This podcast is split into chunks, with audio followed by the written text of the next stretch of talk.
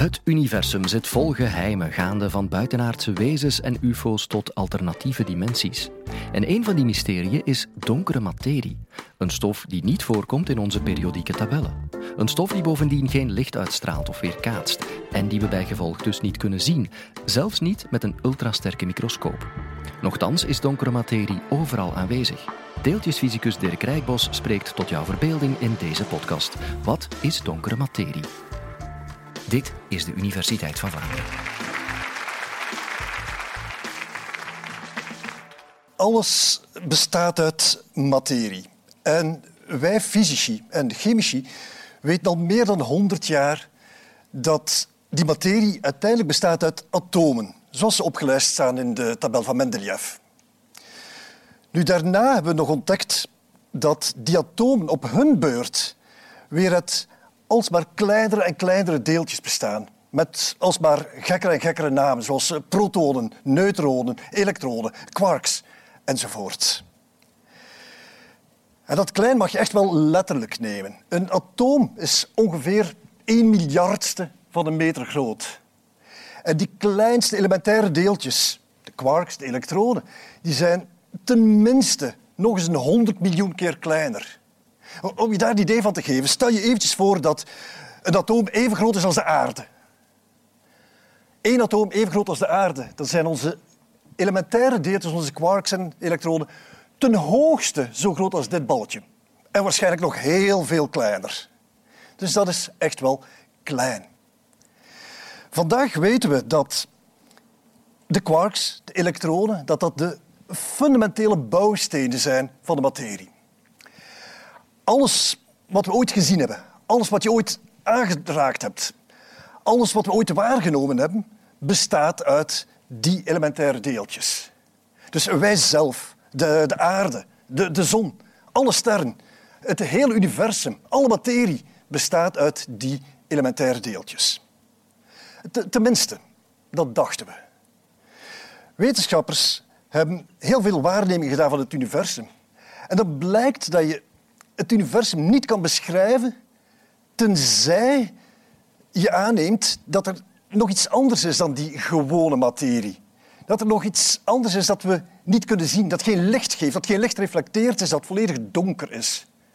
Dat is donkere materie. Maar hoe kan je nu iets ontdekken dat je niet kan zien? Zelfs niet met de krachtigste microscopen kan je het niet zien. Wel, in 1933 heeft een Zwitserse astronoom, Fritz Zwicky, met de toen gloednieuwe Mount Palomar-telescoop waarnemingen gedaan aan groepen van sterrenstelsels. En hoe dat die rond elkaar aan het bewegen zijn. En wat hij vaststelde was dat je die bewegingen niet kan begrijpen door alleen maar te kijken naar uh, wat je ziet. Als je alle massa van die sterren die je ziet, als je die gaat bekijken en als je die gaat optellen, dan de zwaartekracht waarmee die sterrenstelsels aan elkaar trekt, als je die gaat uitrekenen, dan kom je er niet. Dan kan je niet begrijpen hoe die sterrenstelsels bewegen. Er zat veel meer massa in die sterrenstelsels dan Zwicky in zijn uh, waarnemingen zag. Het was massa die geen licht gaf, donker was. En Zwicky was dus de eerste die de term donkere materie gebruikt heeft. Nu, het is dan een hele tijd heel stil gebleven rond dat idee. En in de jaren 60 en 70 zijn verschillende astronomen, onder andere de Amerikaanse astronomen Vera Rubin, gaan kijken naar uh, sterrenstelsels en in het bijzonder naar hoe sterrenstelsels aan het roteren gaan. Die draaien rond hun gemeenschappelijk uh, uh, massamiddelpunt. Dus wat gebeurt er? De sterren in dat sterrenstelsel die draaien rond het middelpunt van het sterrenstelsel. Nu, om ze op een baan te houden, worden ze aangetrokken door de zwaartekracht, door de massa van dat centrum van dat sterrenstelsel.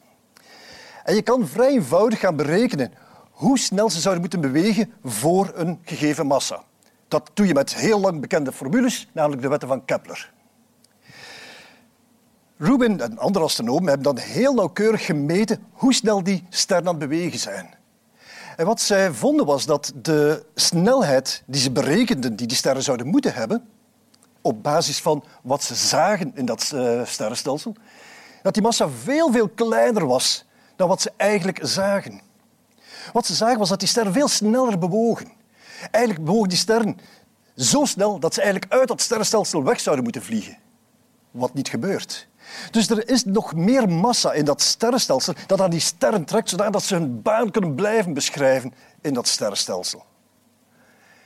Net zoals Zwicky kwam Rubin tot de conclusie, ja, daar zit nog heel wat meer materie die ik niet zie in dat sterrenstelsel. Donkere materie. Nu, hoe, meet je dat, het roteren van zo'n sterrenstelsel? Om zo'n sterrenstelsel te laten ronddraaien heb je toch al vlug een paar honderdduizend jaar nodig. En zo lang heeft Rubin nu ook weer niet gemeten. Wel, het meten van die, de snelheid van de beweging van die sterren, dat doe je met het Doppler-effect. Het Doppler-effect is iets dat je kent uit de fysica les of eigenlijk uit het dagelijks leven ook.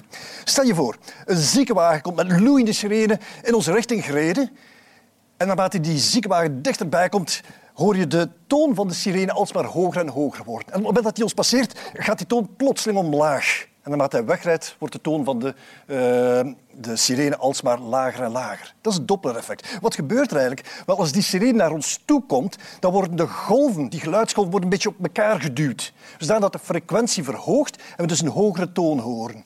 En dan wanneer die sirene van ons wegrijdt, dan gaan de golven een beetje uitgerokken worden, krijgen we een iets lagere frequentie en dan krijgen we ook een iets lagere toon. Dat is het Doppler-effect. Nu, licht is net zoals geluid, is ook een golf. Dus een ster die naar ons toe komt, het licht van die ster zal een klein beetje op elkaar geduwd worden. Een iets hogere frequentie hebben. En dan zie je blauw licht. De ster die van ons wegbewegen, daarvan gaat het licht een beetje uitgerokken worden. En daar gaat de frequentie een stukje lager zijn en die gaat een beetje roder lijken. Dus als je naar zo'n sterrenstelsel kijkt, waarbij de sterren aan het ronddraaien zijn, aan deze kant komen ze naar ons toe dan gaan ze een beetje blauwer lijken. Aan deze kant gaan ze van ons weg en gaan ze een beetje roder lijken. En op die manier kan je meten dat dat sterrenstelsel aan het draaien is, dat die sterren allemaal aan het ronddraaien zijn. Dan kan je de snelheid meten. En dat heeft men gedaan voor heel veel sterrenstelsels. En de conclusie was telkens dezelfde. De sterren bewegen veel sneller dan ze eigenlijk horen te bewegen als je enkel maar naar de massa van de sterren die je ziet gaat kijken. Er is dus heel wat meer materie in dat sterrenstelsel dan wat je ziet. En dat heel wat meer is echt letterlijk te nemen. Er zit ongeveer vijf keer meer donkere materie in sterrenstelsels dan de gewone materie. Nu, het wordt nog leuker hoor. In de jaren 90 en de, dan dieper in onze eeuw zijn sterrenkundigen heel nauwkeurig de kosmische achtergrondstraling gaan meten. De kosmische achtergrondstraling is eigenlijk letterlijk de nagloed van de oerknal, waarin dat ons heelal 13,8 miljard jaar geleden ontstaan is. En als je heel nauwkeurig naar die kosmische achtergrondstraling gaat kijken, dan zagen de sterrenkundigen opnieuw aanwijzingen dat er ongeveer vijf keer meer donkere materie is dan lichtgevende gewone materie. Dus die donkere materie is er al van het prille begin van het heelal en die is er nu nog altijd. Ja, maar wat is dat dan, die donkere materie? Wel, naïef gezien zou je kunnen denken, donkere materie geeft geen licht. Bijvoorbeeld stofwolken. Bijvoorbeeld planeten.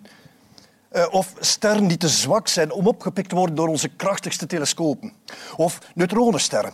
Of uh, zwarte gaten. Of je noemt het maar. Maar al die dingen bestaan uit gewone materie. En effectief, sterrenkundigen hebben heel hard gezocht, en zijn nog altijd heel hard aan het zoeken, naar dergelijke objecten. En er worden er soms gevonden.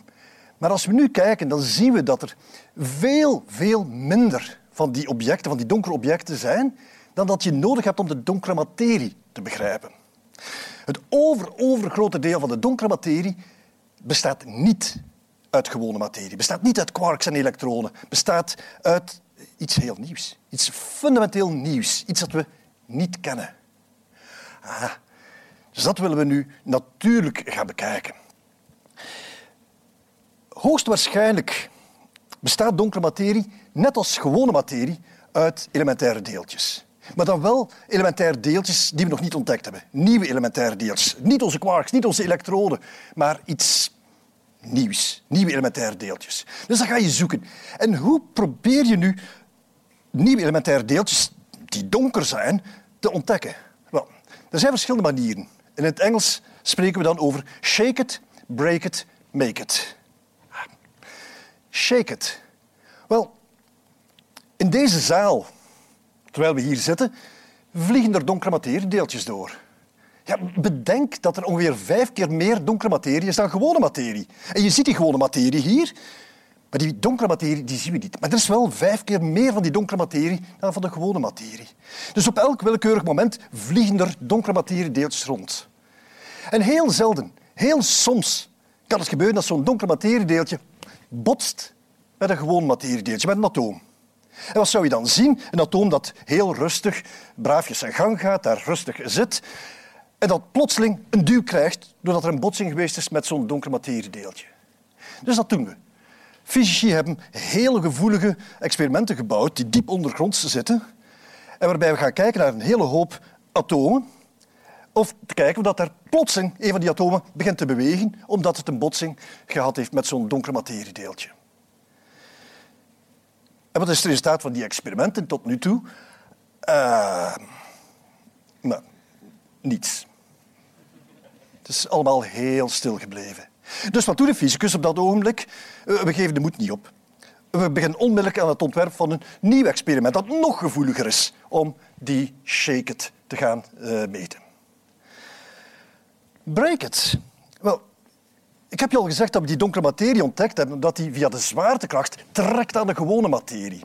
Dat betekent dus ook dat de gewone materie via de zwaartekracht trekt aan die donkere materie. Dat wil zeggen dat dus op plaatsen waar er veel zwaartekracht is, dat donkere materie zich gaat ophopen.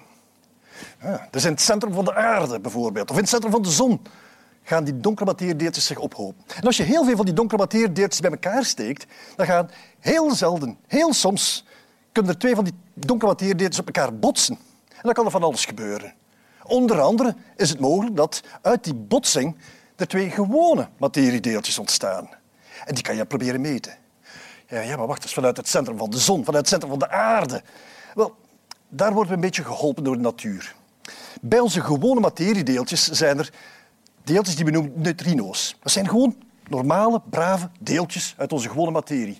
Met één bijzondere eigenschap. Namelijk, ze gaan overal dwars doorheen.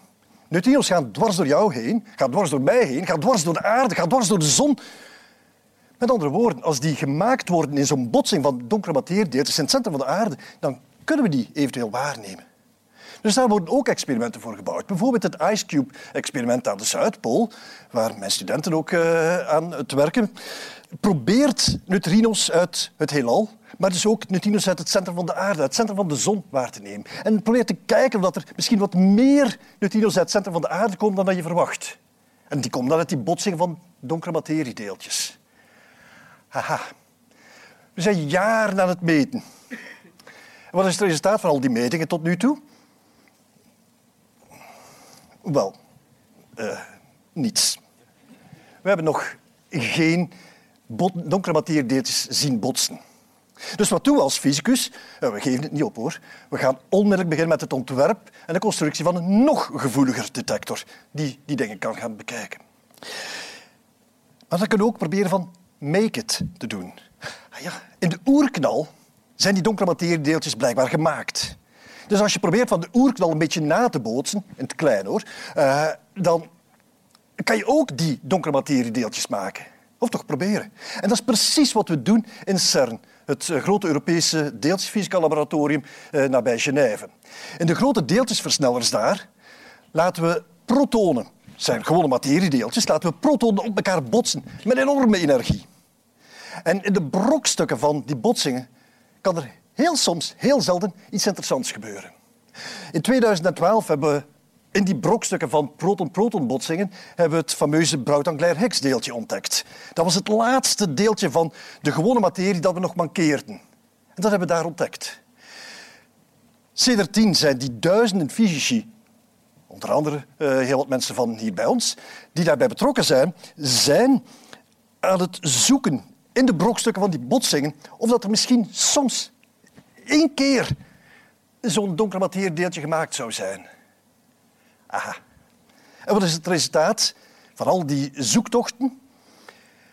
Uh, wel, niets. Tot nog toe hebben we ze niet gevonden. Met andere woorden, wat is donkere materie? Wel, we weten het niet. We weten wel wat het niet is. Het is zeker niet de gewone materie. Het is iets totaal nieuws. Maar dat is toch een frustrerende vraag.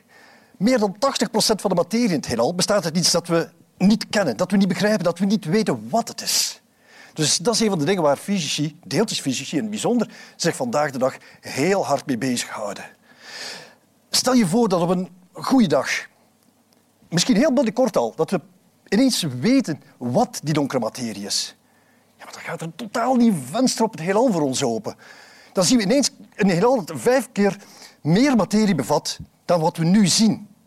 We zien dan al die donkere materie, of we kunnen tenminste weten wat het is.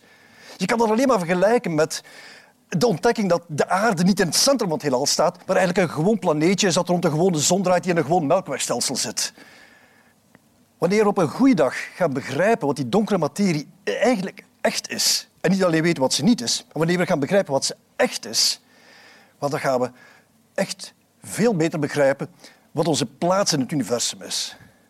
En daar is het ons toch om te doen, toch?